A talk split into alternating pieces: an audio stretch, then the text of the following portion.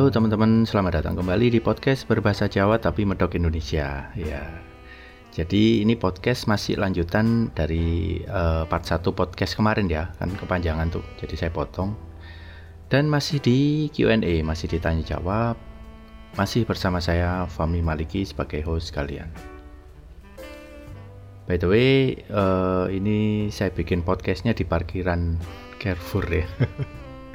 di dalam mobil sebenarnya saya itu lagi males anterin apa istri belanja itu loh. Ya udah saya tunggu di parkiran aja terus yang aduh sorry sorry. Corona corona. Tunggu di mobil terus pakai airpod pakai iPhone ya udah. Pakai alat seadanya. Jadi maafkan kalau suaranya kurang khusyuk kayak sebelumnya ya. Maafkan maafkan ya seadanya. Sama sekalian ini di episode kali ini saya mau pamitan. Bukan pamitan ya apa? Kalau pamitan kan selesai akhirnya. Enggak, maksudnya episode ini adalah episode terakhir di season pertama ya kan? Jadi season pertama ini kan uh, konsepnya adalah monolog ya ngobrol ngobrol sendiri kayak kayak gini gitu terus nanti di apa namanya season kedua itu rencananya saya bakal ngundang teman-teman yang kompeten dan punya expertise di bidangnya masing-masing untuk saya ajak obrol di uh, apa dialog. Jadi bukan monolog lagi tapi dialog di season kedua ya. Oke langsung masuk ke pertanyaan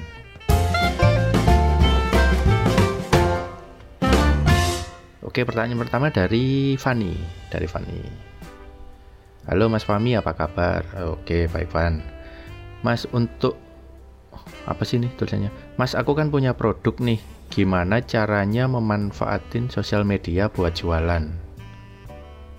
Oke.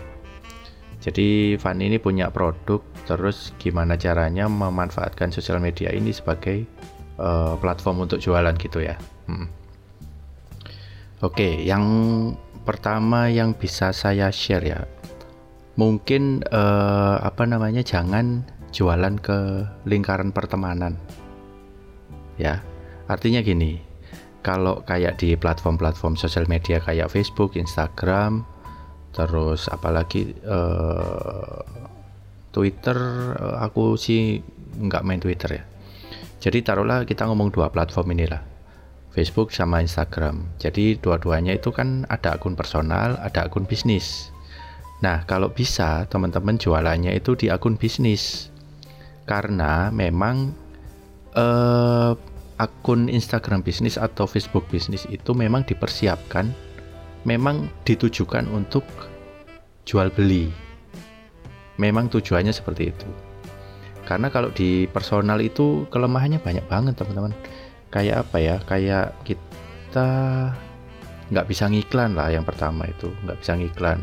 Otomatis kalau nggak bisa ngiklan uh, artinya kita kan nggak bisa me menjangkau orang orang baru untuk untuk melihat produk kita dengan harapan tertarik dan membeli produk kita ya kan? Kalau ke jualan ke temen itu nggak tahu ya aku kok nggak menyarankan gitu loh. Karena gini yang seperti apa ya saya sempat sampaikan di episode lalu ya episode berapa itu saya lupa. Jadi apa ya di Indonesia ini kulturnya itu kan kental dengan pertemanan kental dengan kekeluargaan guyup rukun. Nah itu yang sering disalahgunakan oleh pembeli terutama. Teman kita pembeli gitu loh. Ya kan? Allah segitu aja kok mahal sih. Ayolah gini diskon. Ya kalau diskonnya masih wajar gitu sih ya oke okay lah. Tapi apa ya?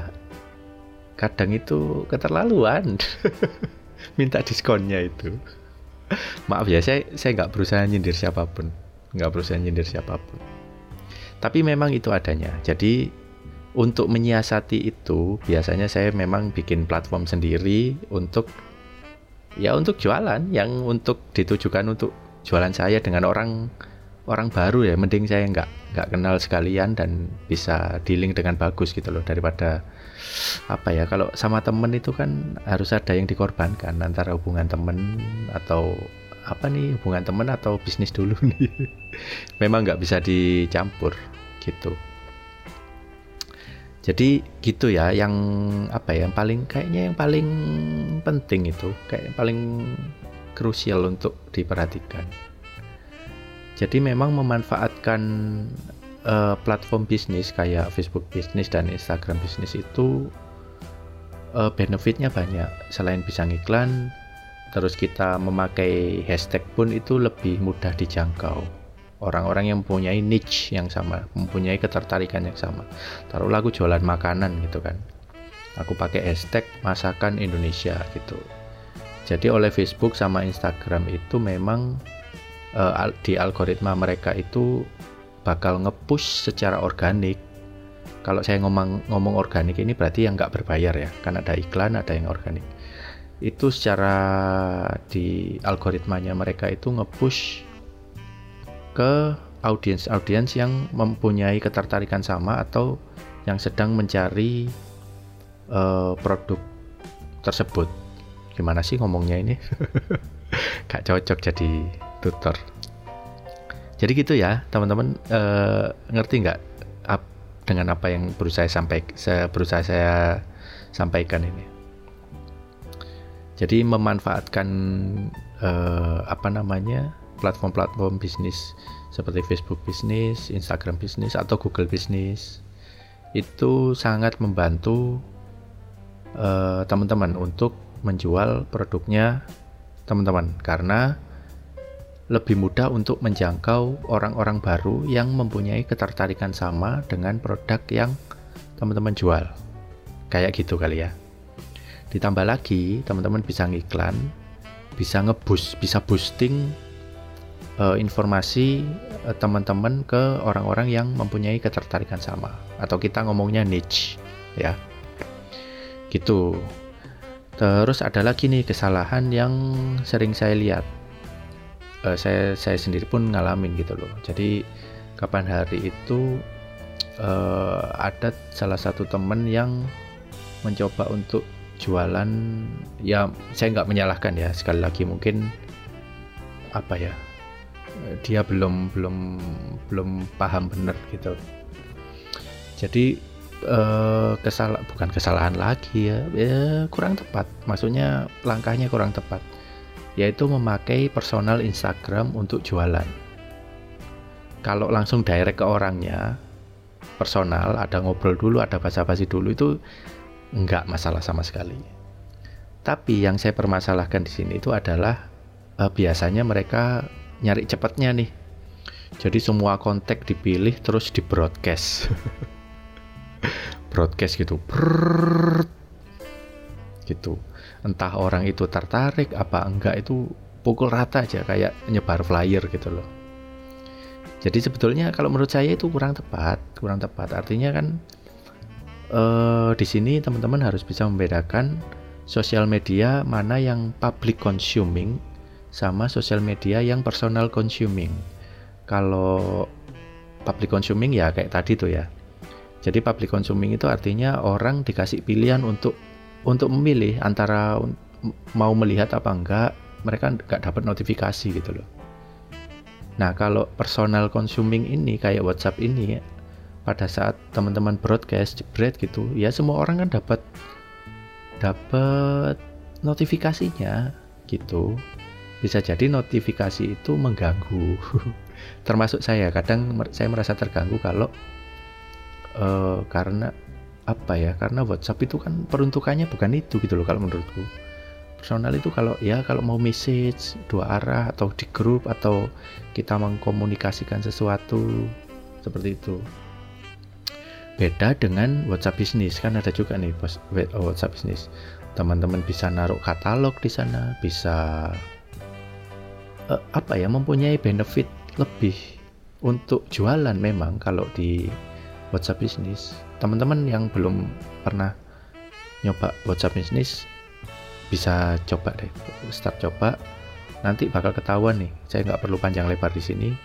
Bakal ketahuan benefit-benefit apa aja yang uh, bisa teman-teman dapatkan. Ketimbang teman-teman harus uh, broadcast harus broadcast berusaha jualan. Ya nggak salah sebetulnya. Tapi kebanyakan menurut survei ya orang-orang itu bakal keganggu dan mood untuk membelinya itu turun.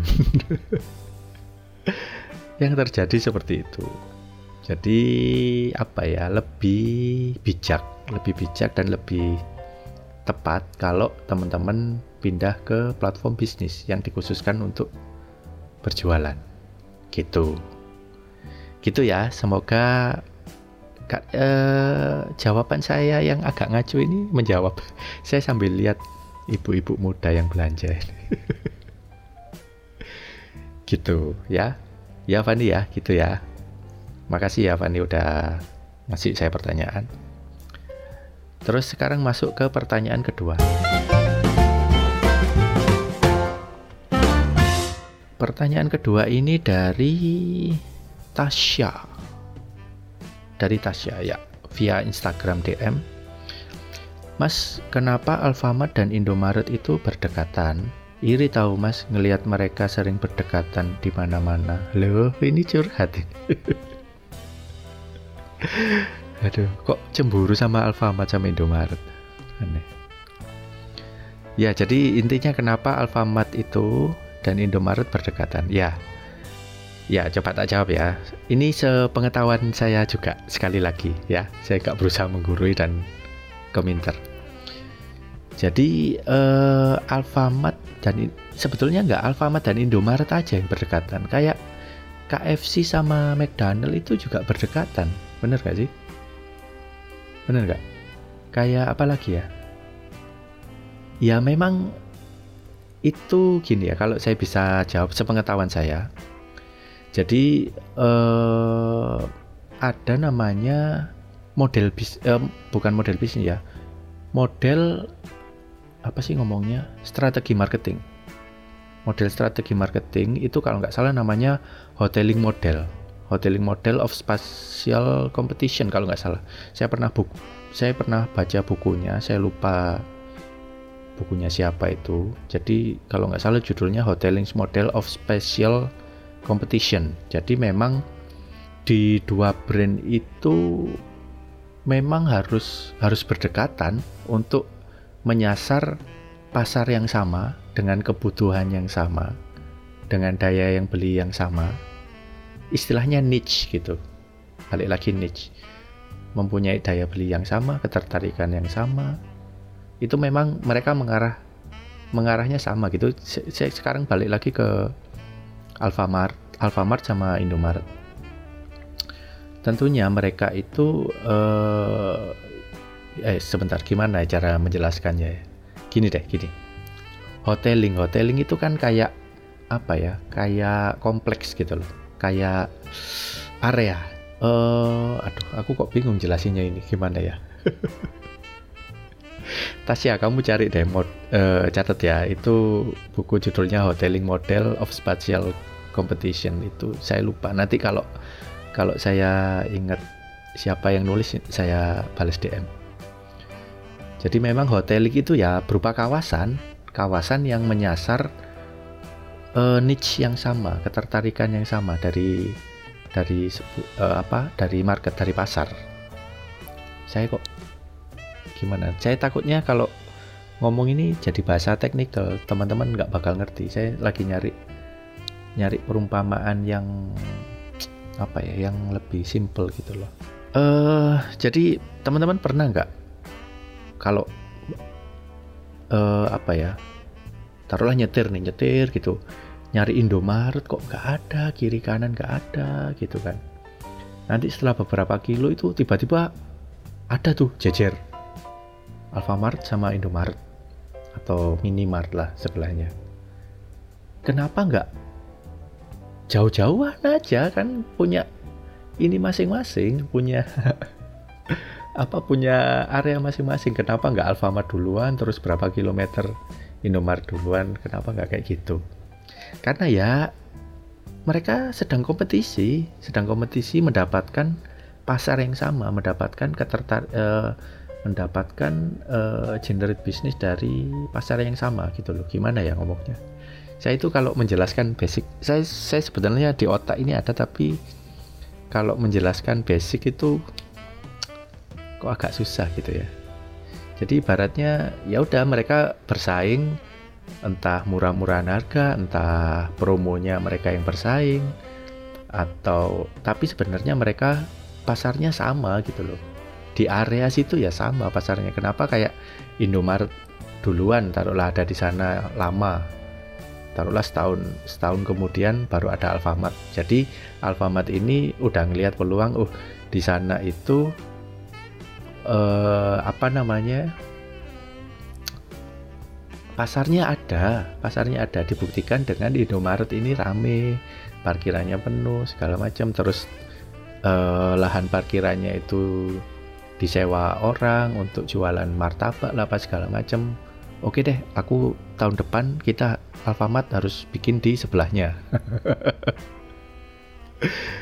Dengan strategi yang berbeda oke apa yang nggak dipunyai Indomaret? Ya ke kebanyakan mereka sama lah ya.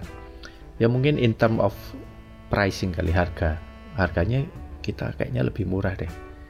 Bisa lebih murah atau promo-promo beli sikat gigi dapat sendal apa segala macam yang di Indomaret nggak ada gitu. Kok nggak nyambung ya beli sikat gigi dapat sandal kayak gitu kali ya.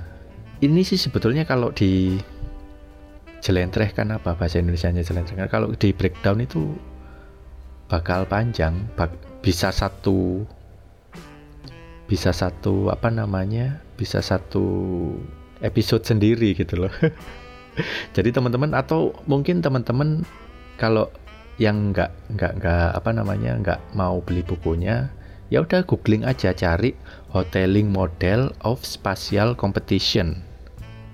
Jadi bagaimana berkompetisi di sebuah area niche yang sama gitu.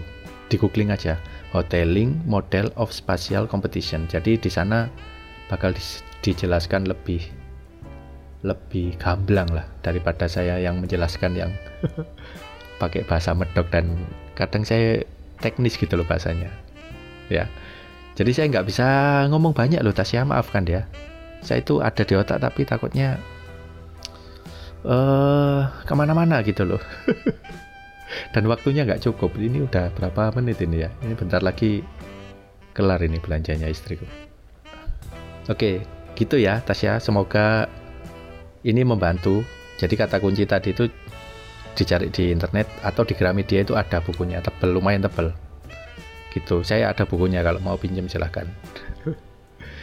Terus uh, langsung ke pertanyaan nomor tiga.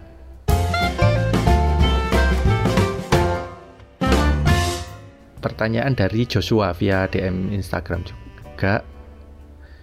Itu tak jadiin pertanyaan terakhir ya biar cepat sebetulnya saya itu kalau suara saya agak kurang semangat maaf ya teman-teman. Kayak kayak agak meriang gitu sebetulnya. Nggak jangan takut corona loh. Ya memang kayaknya kurang tidur terus deadline lagi banyak. Nggak apa-apa. Ya balik lagi pertanyaan nomor selanjutnya dari Joshua via DM Instagram. Uh, halo bang. Apa kabar? Baik terima kasih. Bang hal apa yang paling menginspirasi apa sih ini bang hal apa yang paling mengisi menginspirasi hidupmu, Bang? Oh, hal apa yang paling menginspirasi saya gitu ceritanya. ya oke, okay. makasih ya Joshua, salam kenal. Um, apa ya inspirasi? Kalau inspirasi itu beda-beda loh bro, beda-beda sebetulnya. Jadi dari tahun ke tahun, dari apa ya, semakin ke sini itu semakin berubah. Kalau dulu inspirasi zaman muda itu kan role model. Dulu pas zaman zaman main skateboard ya inspirasiku ya profesional skater kayak Tony Hawk kayak gitu-gitu. Jadi apa yang dia lakukan apa yang dia pakai fashionnya apa segala macam itu jadi inspirasi saya. Gitu terus musik. Ya musik. Musik-musik ya banyak lah. Musik itu banyak beberapa band yang jadi inspirasi saya. Nggak perlu saya sebutin semuanya ya. Yaitu menginspirasi apa ya ya fashion saya cara berpakaian saya. Terus apa ya saya bikin piercing anting-anting gitu. Terpengaruh band-bandan juga. Bikin tato kayak gitu-gitu. Ya inspirasi juga sebetulnya itu. Tapi makin ke sini apa ya inspirasi saya itu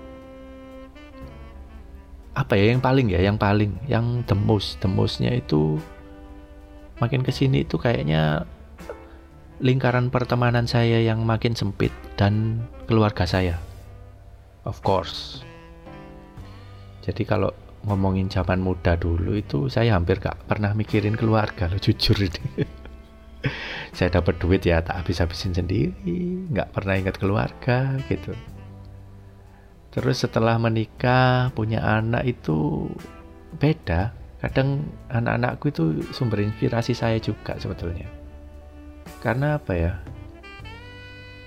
Pada saat kita beranjak dewasa artinya beranjak dewasa itu pemikiran kita itu mulai dewasa gitu loh. Segala sesuatunya itu harus dilihat di di dua sisi nggak bisa kita ngomong wah pisau itu bahaya tapi kan pisau itu kan ada gunanya juga buat buat masak buat ngiris bawang buat ngiris buah-buahan tapi bisa juga untuk ngebunuh orang gitu. Ceritanya punya dua dua sisi gitu. Kita harus memandang apa ya mana yang bagus mana yang nggak bagus gitu. Semakin ke sini kalau saya loh ya. Ini jadi ngomongin saya.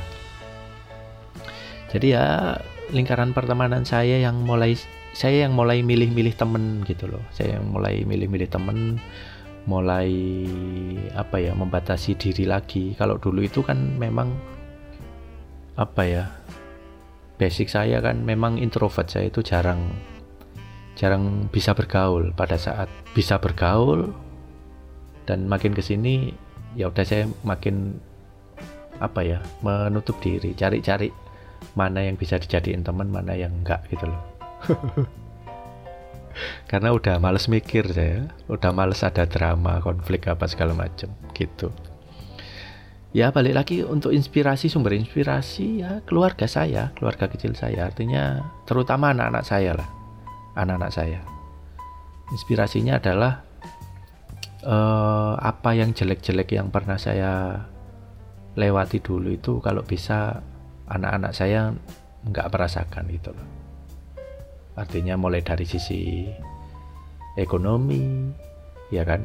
Dulu kan ya saya hidupnya kekurangan dari berangkat dari keluarga yang biasa-biasa saja, yang nggak dipandang orang gitu, biasa kalau ada orang lewat gitu ya ya gak direken gitu loh. Itu. Terus uh, apa ya dari tingkat pendidikan juga mungkin uh, menginspirasi saya untuk apa ya untuk menyerahkan segala sesuatunya itu ke mereka gitu loh. Jadi berasa punya rumah untuk pulang ke anak-anak saya terus apa ya melihat mereka bahagia itu kayak sebuah apa ya sebuah kemenangan gitu loh sebuah achievement bagi saya. Entah itu saya pulang bawa mainan entah saya pulang bawa sesuatu yang sederhana pun lah.